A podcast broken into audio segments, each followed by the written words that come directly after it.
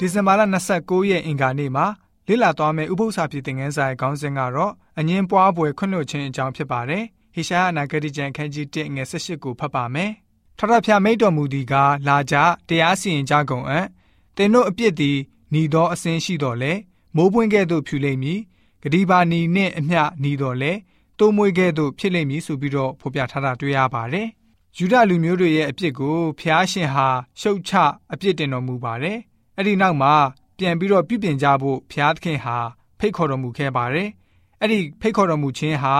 သူတို့တွေအတွက်မျှော်လင့်ချက်ဖြစ်ပါတယ်။ဘုရားရှင်ကလာကြတရားစီရင်ကြကုန်အံ့လို့ခေါ်တဲ့အခါမှာဘုရားရှင်ဟာမိမိလူမျိုးတွေအတွက်အကြံစီတစုံတရာရှိတယ်ဆိုတာကိုဖော်ပြနေပါတယ်။မိမိရဲ့လူမျိုးတွေနောက်နောက်တရားရရှိဖို့ဘုရားရှင်ဟာအလိုတော်ရှိနေပါတယ်။လွန်ခဲ့တဲ့အချိန်မှာဘလို့ပဲယုံညံ့ခဲ့ပါစေ ပြပြပြောင်းလဲစေဖို့ဘုရားရှင်ဟာအလိုတော်ရှိတော်မူပါတယ်။ဖျားရှင်ကတင်တို့ရဲ့หนีသောအပြစ်ဟာအဖြူရောင်ဖြစ်လာစေမယ်အပြစ်ဟာဘာကြောင့်หนีမြဲရပါသလဲအကြောင်းကတော့အနီရောင်ဟာအသွေးရဲ့အယောင်ဖြစ်ပါတယ်သူတို့တွေရဲ့လက်မှာစွန်းထင်းတဲ့အသွေးကိုအဖြူရောင်နဲ့နှိုင်းရှင်ပြီးတော့ကြည့်လိုက်တဲ့အခါမှာအဖြူရောင်ကတန့်ရှင်းစင်ကြယ်တာကိုပုံဆောင်ပါတယ်အသွေးစွန်းထင်းခြင်းကင်းလွတ်တဲ့အရာ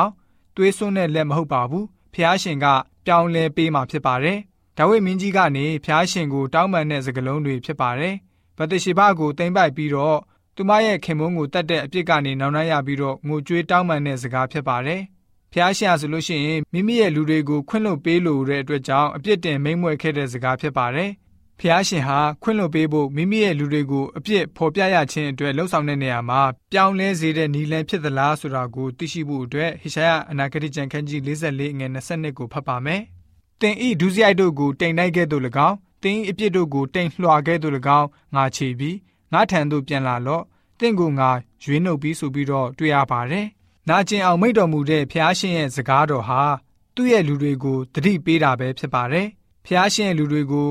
ဖျားရှင်နှင်ထုတ်ပစ်ဖို့မဟုတ်ပါဘူး။ပြန်ပြီးတော့ဆွဲယူခေါ်သွင်းခြင်းသာဖြစ်ပါတယ်။ခွင့်လွှတ်ပေးဖို့အကြောင်းကိုပြင်ဆင်ပေးတော်မူတဲ့ဖျားရှင်ရဲ့နစ်နစ်နာနာပြောဆိုမိတ်တော်မူချက်ဟာ မိမိလူမျိုးတွေပြန်လဲတန်ရှင်းစင်ကြယ်စေဖို့အတွက်ဖြစ်ပါတယ်။ဖျားရှင်ရဲ့ခွင့်လွှတ်ခြင်းဟာသူတို့တွေအတွက်ပြောင်းလဲပြုပြင်နိုင်ဖို့ဖျားရှင်ရဲ့တကူတော်ပါရှိပါတယ်။ယေရမိနာဂတိကျမ်းခန်းကြီး31ငွေ31ကနေ34မှာ